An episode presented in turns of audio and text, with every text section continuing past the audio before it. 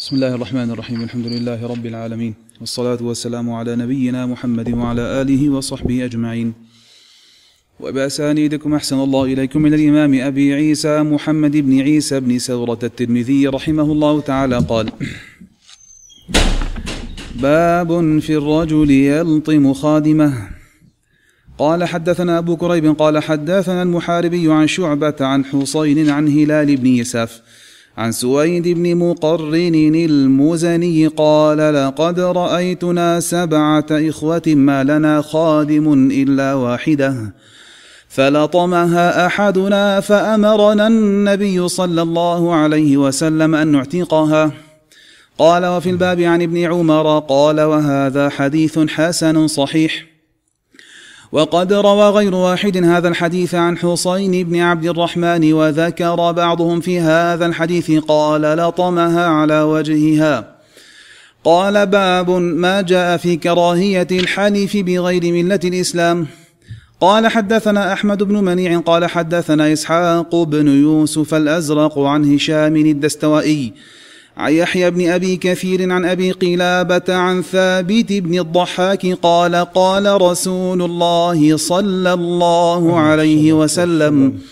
من حلف بملة غير الإسلام كاذبا فهو كما قال قال هذا حديث حسن صحيح وقد اختلف أهل العلم في هذا إذا حلف الرجل بملة سوى الإسلام قال هو يهودي أو نصراني إن فعل كذا وكذا ففعل ذلك الشيء فقال بعضهم قد أتى عظيما ولا كفارة عليه وهو قول أهل المدينة وبه يقول مالك بن أنس وإلى هذا القول ذهب أبو عبيد. وقال بعض أهل العلم من أصحاب النبي صلى الله عليه وسلم والتابعين وغيرهم عليه في ذلك الكفارة وهو قول سفيان وأحمد وإسحاق.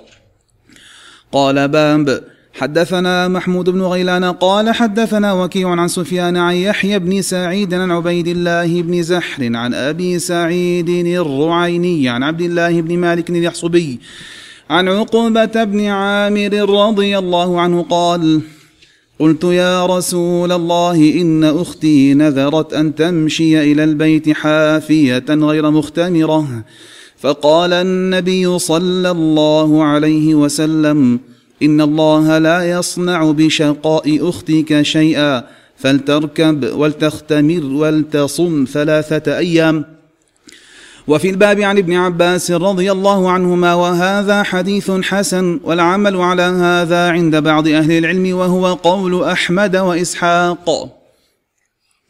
قال باب حدثنا إسحاق بن منصور قال حدثنا أبو المغيرة قال حدثنا الأوزاعي قال حدثنا الزهري عن حميد بن عبد الرحمن عن أبي هريرة رضي الله عنه قال قال رسول الله صلى الله عليه وسلم من حلف منكم فقال في حلفه واللات والعزى فليقل لا إله إلا الله. ومن قال تعال أقامرك فليتصدق. قال هذا حديث حسن صحيح. وأبو المغيرة هو الخولاني الحمصي واسمه عبد القدوس بن الحجاج.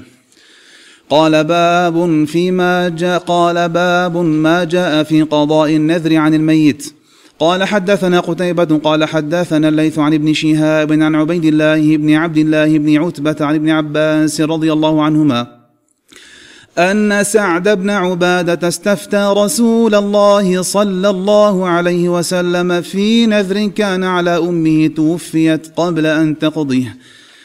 توفيت قبل أن تقضيه فقال النبي صلى الله عليه وسلم اقضه عنها. قال هذا حديث حسن صحيح.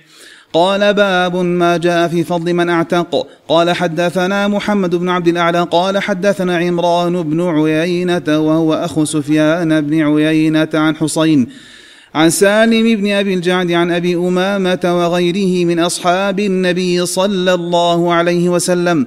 يعني عن النبي صلى الله عليه وسلم أنه قال أيما امرئ مسلم أعتق امرأ مسلما كان فكاكه من النار يجزئ كل عضو منه عضوا منه وأيما امرئ مسلم أعتق امرأتين مسلمتين كانتا فكاكه من النار يجزئ كل عضو منهما عضوا منه وأيما امرأة مسلمة أعتقت امرأة مسلمة كانت فكاكها من النار يجزئ كل عضو منها عضوا منها. قال هذا حديث حسن صحيح غريب من هذا الوجه. وفقه هذا الحديث ما يدل على أن عتق الذكور للرجال أفضل من عتق الإناث.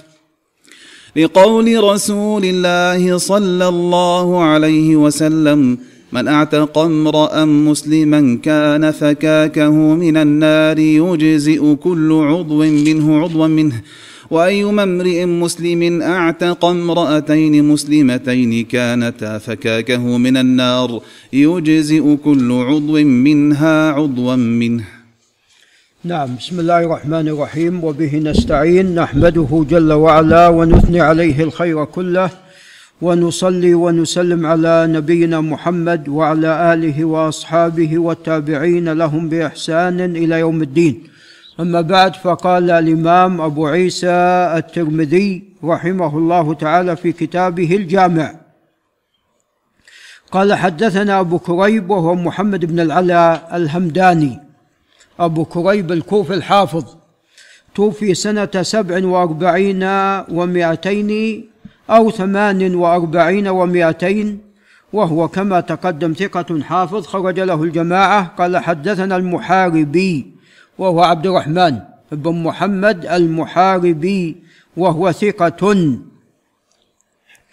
قال عن شعبة وهو ابن الحجاج ابن الورد العتكي الواسطي أبو بسطام وهو إمام جليل توفي عام ستين ومائة قال عن حسين وهو بن عبد الرحمن السلمي الواسطي توفي عام ستة وثلاثين ومائة وهو ثقة مشهور من صغار التابعين.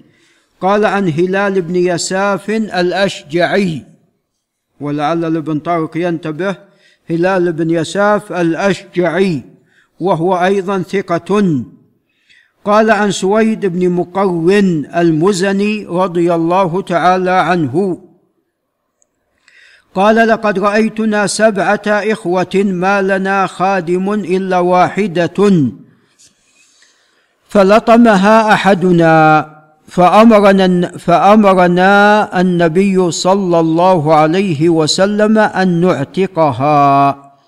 اذا هذا هو كفارة لطم الخادم. وبالتالي أنه لا يجوز لطم الخادم وأن هذا الشيء محرم. وأما إذا فعل الخادم ما هو معصية لله عز وجل فيقام عليه الحد يقام عليه حد المعصية. نعم.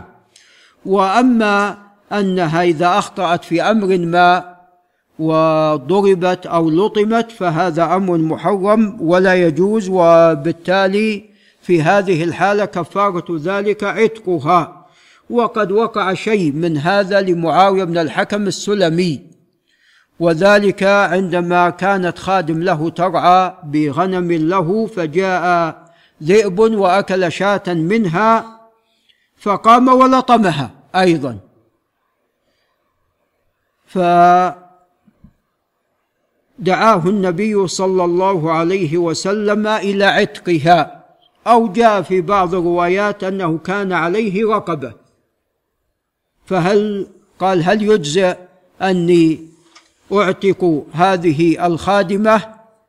نعم فسألها عليه الصلاة والسلام عن عن الله عز وجل أين هو؟ قالت في السماء. نعم وفي رواية أشارت إلى السماء. قال من أنا؟ قالت أنت رسول الله. قال أعتقها. فإنها مؤمنة. نعم. قال وفي الباب عن ابن عمر رضي الله عنهما قال وهذا حديث حسن صحيح. نعم هذا الحديث رجاله كلهم ثقات كما تقدم وبالتالي أن أذهب إلى ما ذهب إليه أبو عيسى الترمذي من صحة هذا الخبر وقد صححه الإمام مسلم بتخريجه في كتابه الصحيح. قال باب ما جاء في كراهية الحلف بغير ملة الإسلام. وهذا التبويب ليس موجودا في كل نسخ الترمذي وإنما في بعضها وهي النسخة التي عليها شرح العراقي. نعم. وأما نسخة المبارك فوري وغيرها من النسخ فهذا الباب ليس موجودا فيها. نعم.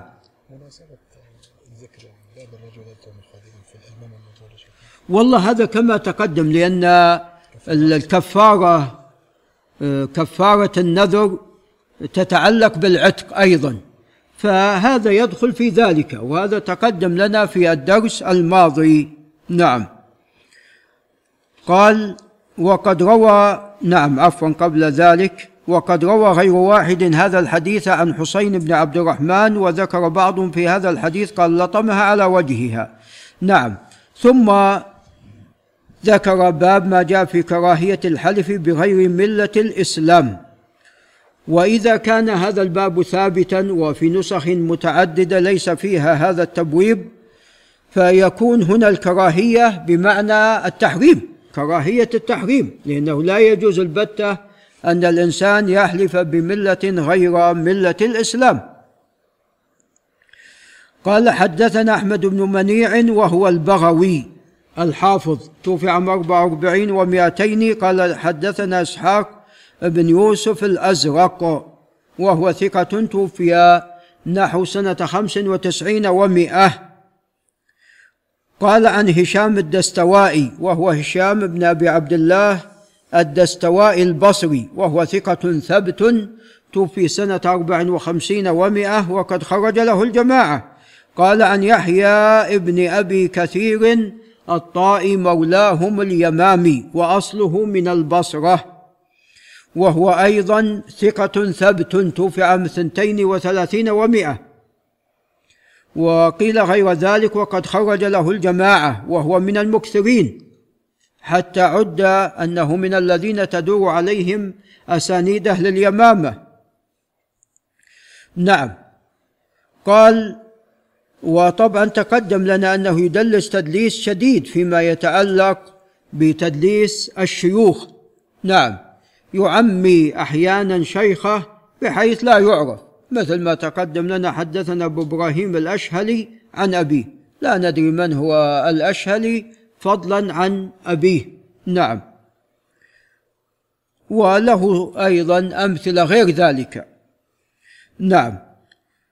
قال عن أبي قلابة وهو عبد الله بن زيد الجرمي البصري وهو ثقة عالم وتوفي سنة ثلاث ومائه وقيل غير ذلك. قال عن ثابت بن الضحاك رضي الله تعالى عنه قال قال رسول الله صلى الله عليه وسلم من حلف بملة غير الإسلام كاذبا. فهو كما قال إن قال نعوذ بالله أنا نصراني أو يهودي إن كنت فعلت ذلك وهو قد فعله. فإذا هو يعلم عندما كذب وحلف بهذا الحلف. فإذا هو كما قال نعوذ بالله. نصراني أو يهودي نعوذ بالله فعليه أن يجدد إسلامه وأن يظهر إيمانه بعد ذلك. قال هذا حديث حسن صحيح. وأنا أذهب إلى صحه أيضا هذا الخبر ورجاله كلهم ثقات وقد خرجه الشيخان. نعم. قال وقد اختلف أهل العلم في هذا إذا حلف الرجل بملة سوى الإسلام. قال هو يهودي أو نصراني إن فعل كذا وكذا ففعل ذلك الشيء فقال بعضهم قد أتى عظيما ولا كفارة عليه. نعم. وبالتالي تكون هنا الكفارة التوبة إلى الله عز وجل. فبعض الذنوب لا يكفرها سوى ماذا؟ سوى التوبة إلى الله. قال وهو قول أهل المدينة وبه يقول مالك بن أنس وإلى هذا القول ذهب أبو عبيد القاسم بن سلام. قال وقال بعض أهل العلم من أصحاب النبي صلى الله عليه وسلم والتابعين وغيرهم عليه في ذلك الكفارة وهو قول سفيان وأحمد وإسحاق. نعم ووجه ما ذهب إليه هؤلاء من كون الكفاره تلزمه في هذه الحالة هو أنه قد قال شيئا ثم فعل هذا الشيء ثم فعل هذا الشيء فهنا بالتالي عليه كفارة في ذلك. وأما إذا كان قال شيئا قد مضى وهو ظاهر الحديث. نعم. قال من حلف بملة غير الإسلام كاذبا حلف أنه يهودي أو نصراني إن كان فعل كذا وقد فعل. فهذا والعياذ بالله كما تقدم ظاهر الحديث أنه يكون يهوديا أو نصرانيا فعليه أن يجدد إسلامه كما تقدم. وأما الذي ذكره أبو عيسى فقال أنه إذا حلف ثم فعل. نعم. قال إذا حلف الرجل بملة بملة سوى الإسلام إن فعل كذا ففعل. نعم يعني هذا الشيء الذي فعل بعد الحلف ترتب عليه. فهذا وجه من ذهب في هذه الحالة إلى كون الكفارة عليه في مثل هذه الحالة. وهذا هو الأصل. الأصل هو الكفارة. الأصل هو الكفارة وقبل وهذه الكفارة تنقسم إلى قسمين. كفارة أولا يجدد إسلامه والتوبة إلى الله عز وجل من فعله هذا. والأمر الثاني هو أن الكفارة الحسية. الكفارة الحسية في ذلك وقد تقدم الكلام في الكفارة الحسية في ذلك. نعم.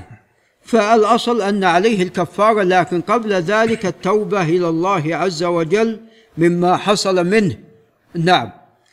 قال حدثنا محمود بن غيلان وهو العدوي المروزي نزيل بغداد وهو ثقة توفي عام 39 و200 قال حدثنا وكيع هو ابن الجراح وآسي أبو سفيان الإمام توفي عام سبعة وتسعين ومئة. قال عن سفيان وهو بن سعيد بن مسروق الثوري الإمام.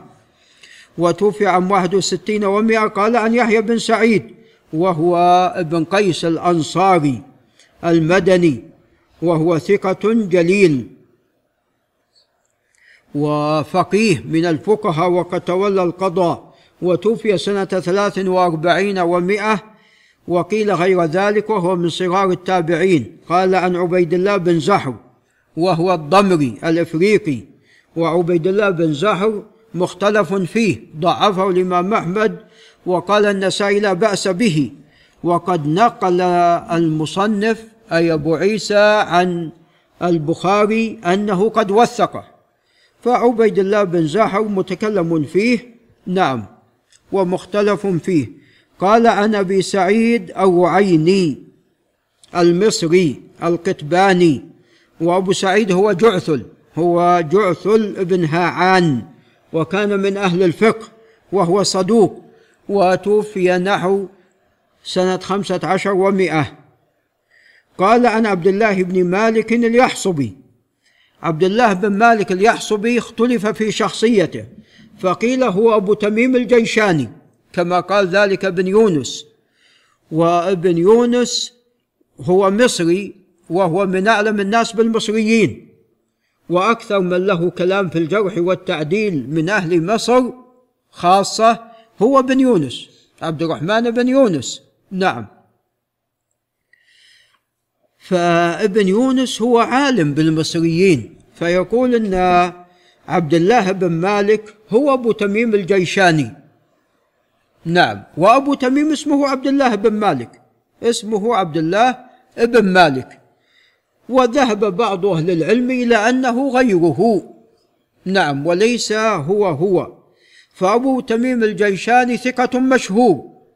وإذا قيل أنه ليس هو وإذا قلنا أنه ليس هو فهنا يكون يعني ليس بالمشهور. عبد الله بن مالك اليحصبي قال ابن حجر طبعا عنه صدوق. وقول ابن يونس يعني قول والله أعلم قوي لعلمه بالمصريين. قال عن عقبة بن عامر رضي الله تعالى عنه قال قلت يا رسول الله إن أختي نذرت أن تمشي إلى البيت حافية غير مختمرة فقال النبي صلى الله عليه وسلم إن الله لا يصنع بشقاء أختك شيئا. تقدم لنا أن من النذر مما هو ليس بمحرم من حيث الأصل ولكن لا فائدة فيه ليس هو عبادة بذاتها أو عبادة يستحب أداؤها. وإنما فيها مشقة وزيادة تعذيب للإنسان. فيها مشقة شديدة وزيادة تعذيب للإنسان. وإن كانت أخت عقبة بن عامر من هي جهين جهنية وجهين مساكنهم على الساحل. نعم ساحل البحر الأحمر. فهي بعيدة عن مكة وإن كانت قد نزلت المدينة لأن من أسلم كثير ممن أسلم قد نزلوا المدينة. فايضا المدينة بعيدة عن مكة والمشي في هذه الحالة وهو في حق امرأة. ثم أن هذه المرأة عندها ماذا؟ ما تركب. عندها ما تركب. طبعا الناس كانوا يمشون. الناس فيما سبق كانوا يمشون ويحجون مشاة. على أرجلهم. نعم. وقد ذكر الله عز وجل ذلك في كتابه سبحانه وتعالى. نعم لكن بالنسبة لامرأة وعندها ما تركب وهي قد ألزمت نفسها فألزمت نفسها بشيء لم يلزمها الله عز وجل به فجاء الأمر بأنها تركب ولتختمر أي تلبس خمارها. نعم. وكونها تخلع الخمار بحضرة الرجال الأجانب هذا ماذا؟ هذا منكر معصية. فلا يجوز لها ذلك. نعم. و يعني الشيء بالشيء يذكر أن المرأة إنما منهية عن النقاب المرأة المحرمة في حج أو عمرة إنما منهية عن النقاب ولا تنتقب ولا تلبس القفازين وأما غطاء الوجه فليست بمنهية عنه. ولذا جاء النهي عن النقاب فقط وهو ما يشد على الوجه والنقاب معلوم فهو غير الغطاء. نعم. فيظن الظان أن المرأة المحرمة منهية أيضا عن غطاء الوجه مطلقا. لا الحديث إنما ينهاها فقط عن النقاب. نعم والنقاب نوع من الغطاء ليس كله هو الغطاء وإنما نوع منه. نعم قال ولتصم ثلاثة أيام. نعم. تقدم لنا أن أصل هذا الحديث قد خرجه ماذا؟ نعم البخاري ومسلم. خرجه الشيخان أصل هذا الحديث. ولفظ البخاري ومسلم قال نذرت أختي أن تمشي إلى بيت الله وأمرتني أن أستفتي لها النبي صلى الله عليه وسلم فاستفتيت النبي صلى الله عليه وسلم فقال لتمشي ولتركب. نعم. ولم تذكر هنا الكفارة. لم تذكر هنا الكفارة. نعم فهذا الحديث له ألفاظ وهذا أحد ألفاظ هذا الخبر وقد تقدم لنا ذكر بعض ألفاظ هذا الخبر. ولذا من أجل كون في من أجل أن في إسناده عبيد الله بن زاحر وهو مختلف فيه وأيضا فيما يتعلق بعبد الله بن مالك اليحصبي قال أبو عيسى وفي الباب عن ابن عباس قال وهذا حديث حسن. نعم. ولم يصححه أبو عيسى. هل عند أحد حسن صحيح؟ هذا وجيه يا شيخنا لأن النبي عليه الصلاة والسلام هنا قال من تصوم ثلاث أيام. فابتدأ الكفارة بالصيام على طول هذا غريب. نعم. فالحديث نعم الحديث في الصحيحين ليس فيها هذه الزيادة. نعم. فإذا من أجل ما تقدم المصنف لم يصححه. قال وهذا حديث حسن. قال والعمل على هذا عند بعض أهل العلم وهو قول أحمد وإسحاق. وذلك أن الإمام أحمد وإسحاق يقولون أن يعني أحمد قد صرح أن الحديث الضعيف أحب إلينا من الرأي. نعم. وقد تكون هذه يعني ليس عندها نعم ما تعتق أو ما تكفر بإطعام عشرة مساكين نعم أو كسوتهم فبعد ذلك إذا لم تستطع هلا على هذه الأشياء الثلاثة تصوم ثلاثة أيام؟ نعم المهم هذه هذا الحديث بهذا السياق في صحته نظر لما تقدم. قال باب وأيضا هذا الباب لم يرد في باقي النسخ وإنما أثبت من النسخة التي عليها شرح الحافظ العراقي. وطبعا هناك طريقتان في التحقيق تحقيق النصوص أو تحقيق الكتب. الطريقة الأولى اختيار النسخة الصحيحة وذكر اختلاف النسخ في ماذا؟ في الهامش. تختار نسخة صحيحة وإن كان هناك اختلافات أو زيادات تذكر في ماذا؟ تذكر في الهامش ولا تدخل في الأصل. وهذا أولى في جانب التحقيق. هذا أولى في جانب التحقيق. وهذا ما صنعه الحافظ اليونيني. هذه طريقة المتقدمين. هذه طريقة المتقدمين. نعم. ولذا اليونيني في في البخاري صحح نسخته وما كان من اختلافات وضعها في ماذا؟ في الهامش في الحواشي.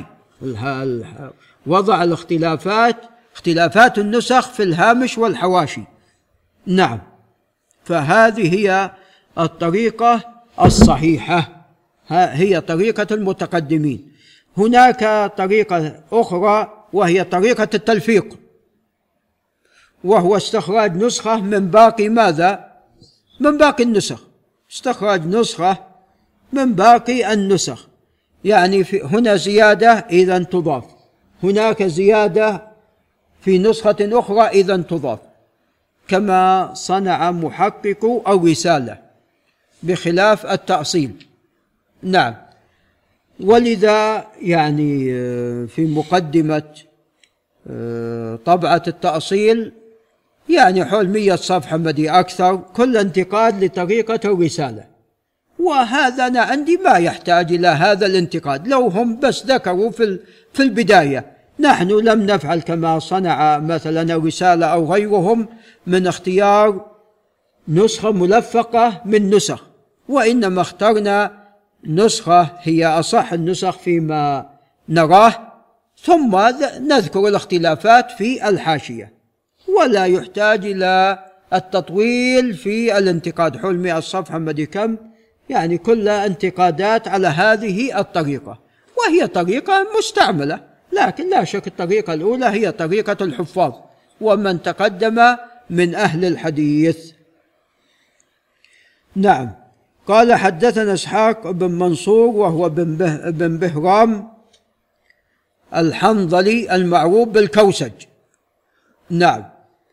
وهو ثقة ثبت فقيه وهو صاحب مسائل الإمام أحمد وإسحاق.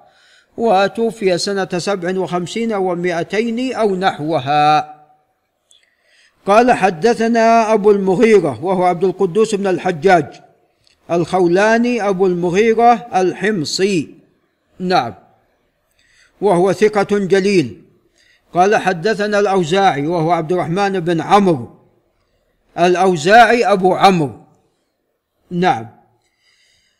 وهو مدفون في بيروت رحمه الله وتسمى المكان الذي دفن فيه بضاحية الأوزاعي وقد توفي سنة سبع وخمسين ومائة وهو إمام جليل وله كلام في الفقه وله حسن ترسل. نعم. ولذا نقل والله أعلم. أبو نعيم في الحلية أو نعم أو غيره نقل له رسائل. نعم. قال حدثنا الزهري وهو محمد بن مسلم بن عبيد الله بن عبد الله بن شهاب القرش الزهري الإمام. توفي عام 24 و100 وقيل غير ذلك. قال عن حميد بن عبد الرحمن وهو بن عوف القرش الزهري وهو أيضا ثقة جليل وهناك حميد آخر بن عبد الرحمن وهو الحمير البصري. نعم. قال عن أبي هريرة رضي الله تعالى عنه قال قال رسول الله صلى الله عليه وسلم من حلف منكم فقال في حلفه واللات والعزى نعوذ بالله. تعلمون أن اللات والعزى صنمان من أصنام المشركين. وآلهتان من آلهة الكافرين. نعوذ بالله من ذلك. فمن حلف بهما فليقل لا إله إلا الله لأنه في حلفه شابه من؟ شابه المشركين الوثنيين الذين يعظمون اللات والعزى ويدعون اللات والعزى من دون الله. نعوذ بالله من ذلك. قال فليقل لا إله إلا الله. فإذا كفارة ذلك أن يقول لا إله إلا الله يجدد إسلامه. نعم. ومن قال تعالى أقامرك فليتصدق. نعم. القمار قد جاء الإسلام بتحريمه وجاء الشرع بمنعه. فاذا هو لا يجوز للإنسان أن يقول تعالوا قامرك ولذا في الحديث الصحيح لا سبق إلا في ثلاثة. لا سبق إلا في ثلاثة. نعم. وهي نعم الخف والحافر والنصر نعم. وأما زيادة جناح فهذه باطلة وتجوز بما أن الحارث السندقي موجود تجوز يعني المسابقات أيضا العلمية. المسابقات العلمية الشرعية في العلم فهذا جائز وقوى وذهب إلى ذلك الإمامان ابن تيمية وابن القيم. نعم بناء على تراهن أن أبا بكر الصديق تراهن وتقامر مع المشركين في أن الروم سوف ينتصرون ويغلبون الفرس. نعم. قال أبو عيسى نعم فاذا من قال تعالى أقامرك فعليه أن يتصدق. نعم. كم مقدار الصدقة؟ لم يأتي ماذا؟ تحديدها ولم يأتي بيانها. فاذا يتصدق بقليل أو ماذا؟ أو كثير. نعم. قال أبو عيسى هذا حديث حسن صحيح. نعم هذا الحديث حديث صحيح وقد خرجه الشيخان. قد خرج هذا الحديث الشيخان.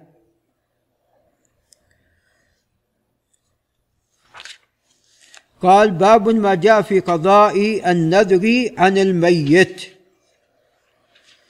أيضا في نسخة الرسالة قال هذا العنوان عنوان هذا الباب لم يرد في أصولنا الخطية ولا في شرح العراقي واثبتناه من شرح المبارك فوري.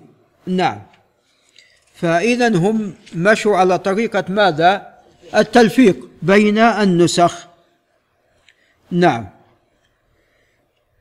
ولأن آه، النذر عندما ينظر الإنسان وقد يتوفاه الله عز وجل فماذا نفعل؟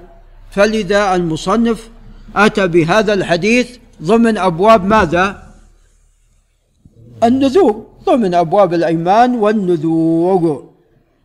نعم. قال حدثنا قتيبة هو ابن سعيد ابن جميل بن طريف أبو رجا الثقفي وهو ثقة ثبت توفي عام أربعين ومائتين. قال حدثنا الليث هو بن سعد الفهم الفهمي المصري. نعم وقد توفي سنة خمس وسبعين ومائة وهو إمام جليل. قال عن ابن شهاب وقد تقدم الزهري. قال عن عبيد الله بن عبد الله بن عتبة بن مسعود.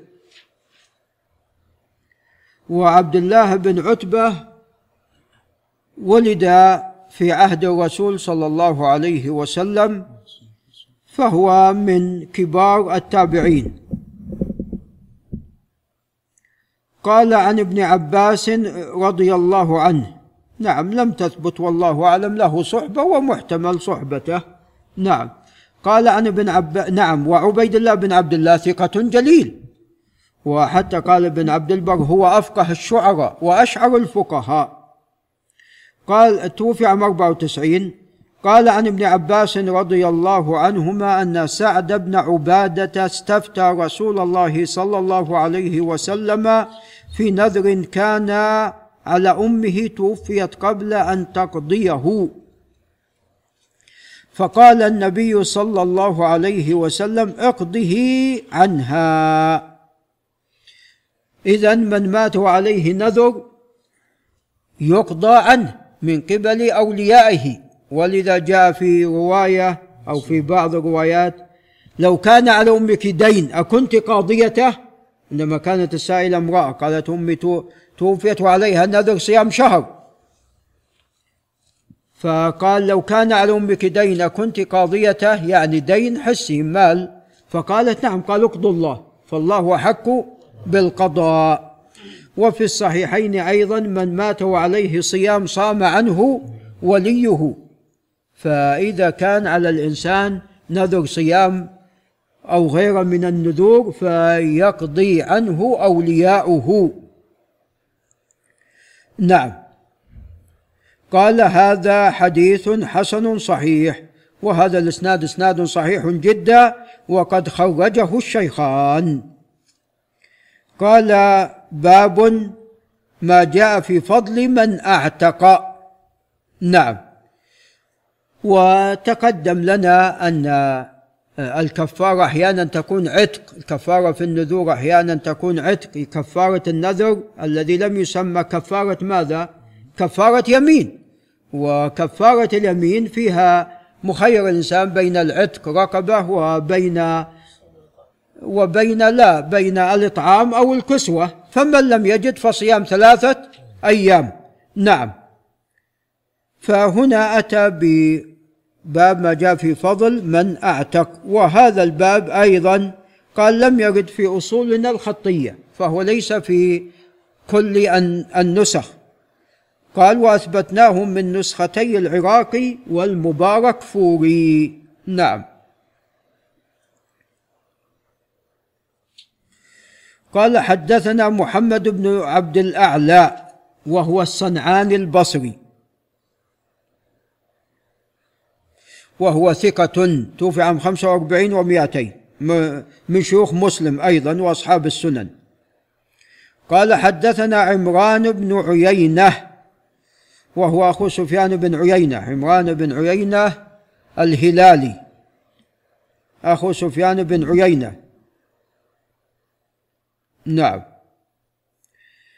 وعمران ليس مثل أخيه في الثقة والضبط والحفظ ولذا قد تكلم فيه فتكلم فيه أبو زرعة وقواه غيره. نعم. أي نعم. فهو فيه ضعف. عمران فيه ضعف. قال عن حسين بن عبد الرحمن حسين هو بن عبد الرحمن السلمي الواسطي تقدم وهو ثقة جليل. قال عن سالم بن أبي الجعد الأشجعي وهو أيضا ثقة مشهور توفي بعد المئة ولكن يرسل كثيرا يرسل كثيرا. قال عن أبي أمامة وهو صدي بن عجلان الباهلي نزيل الشام رضي الله عنه وهو مكثر من الرواية له حديث كثير وقد نزل الشام وعمر توفي سنة ست وثمانين عن نحو مئة سنة أو قريب من ذلك. قال عن أبي أمامة وغيره من أصحاب النبي صلى الله عليه وسلم ثم قال يعني عن النبي صلى الله عليه وسلم. قال أيما امرئ مسلم اعتق امرا مسلما كان فكاكه من النار. اذا حتى يعتق الإنسان من النار من ضمن الأعمال التي تعتقه من النار هو أن الإنسان يعتق رقبة. نعم. قال يجزئ كل عضو منه عضوا منه. وجاء حتى الفرج بالفرج. وايما امرئ مسلم أعتق امرأتين مسلمتين كانتا فكاكه من النار.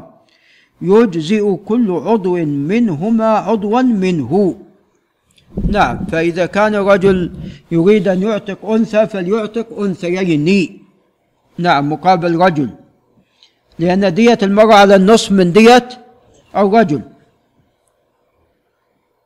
قال وأيما امرأة مسلمة اعتقت امرأة مسلمة كان فكاكها من النار يجزئ كل عضو منها عضوا منها.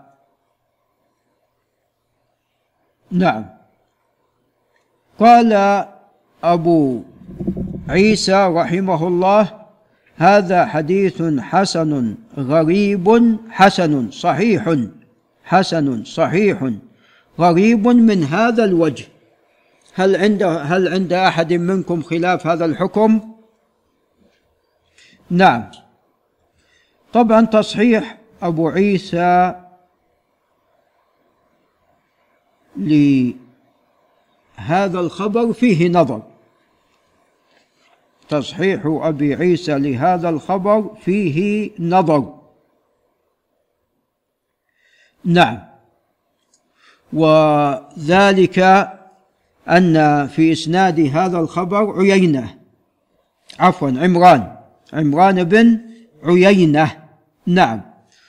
وأيضا فيما يتعلق بسماع سالم ابن أبي الجعد من أبي أمامة فيه بعض النظر. أنا لم أقف على ما يدل على سماعه منه. نعم. وإنما وجدت قول أبي حاتم الرازي أنه أدرك أبا أمامة. والإدراك شيء والسماع ماذا؟ شيء آخر. الإدراك شيء والسماع شيء آخر. وعندي في الحاشية حاشية المحقق أنه نص على أن سالم لم يسمع من أبي أمامة. فلعل أبو فيصل يراجع هل أحد نص على ذلك أن سالم لم يسمع من أبي أمامة؟ ثم قال المصنف رحمه الله وفقه هذا الحديث ما يدل على أن عتق الذكور للرجال أفضل من عتق الإناث لقول رسول الله صلى الله عليه وسلم من اعتق امرأ مسلما كان فكاكه من النار يجزى كل عضو منه عضوا منه وأيما امرئ مسلم اعتق امرأتين مسلمتين كانتا فكاكه من النار يجزى كل عضو منهما عضوا منه نعم طبعا تقدم لنا الحديث الصحيح الذي خرجه الشيخان عن رسول الله صلى الله عليه وسلم. من أعتق رقبة مؤمنة أعتق الله منه بكل عضو منه عضوا من النار حتى يعتق فرجه بفرجه. هذا اللفظ صحيح وليس فيه التفصيل الذي جاء من هذا الوجه. فلذا هذا التفصيل فيه نظر لما تقدم. ولعل نقف عند هنا.